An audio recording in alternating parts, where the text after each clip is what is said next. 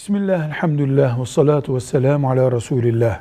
Kim hadisleri açıklayabilir? Hadis ne demek? Resulullah sallallahu aleyhi ve sellemin sözü demek. Kim Resulullah'ı aleyhissalatu vesselam en iyi tanıyorsa, kim onun gönderiliş gayesini en iyi biliyorsa, o bize hadisi şerifleri açıklayabilir. Hadisleri geçim kaynağı olarak açıklayan birisinin açıkladığı bilim ilim olsa da bereketi olmaz. Hadis-i şeriflerde söylenen sözleri günlük hayatında yaşamayanın da yaptığı açıklamanın bizim için bir anlamı yoktur. Hadisler Resulullah'ın sözleridir. Ruhuyla, bedeniyle, günlük hayatıyla onu özümseyenler çok güzel bir açıklama yapabilirler.